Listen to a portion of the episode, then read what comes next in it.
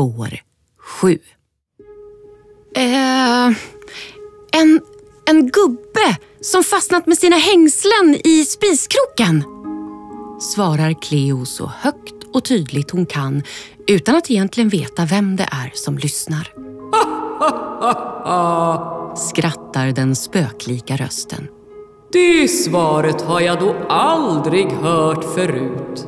Men visst kan det vara så.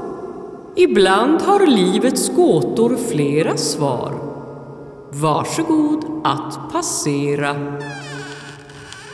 Dörren öppnas nu automatiskt med ett knarr för att släppa in Charlie och Cleo som går med tveksamma steg in i den stora hallen. Där inne, framme vid väggen, står en stor och ståtlig staty. Statyn föreställer en kvinna med ett spjut, en sköld och en hjälm på huvudet.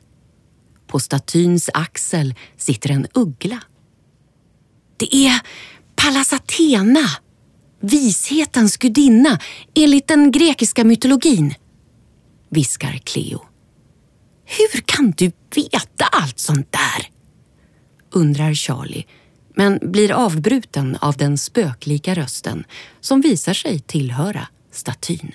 En klok man vid namn Einstein har sagt Fantasi är viktigare än kunskap.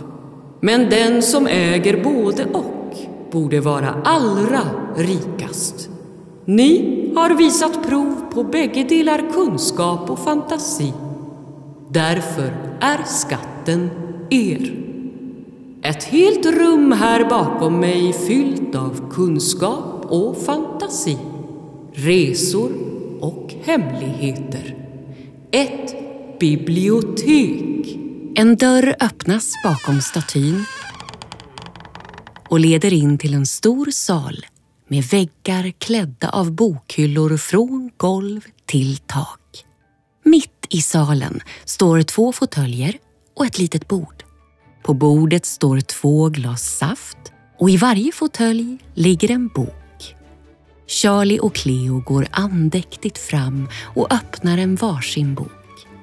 På första sidan står att läsa. En outtömlig skatt. Varsågod. Äventyret börjar här.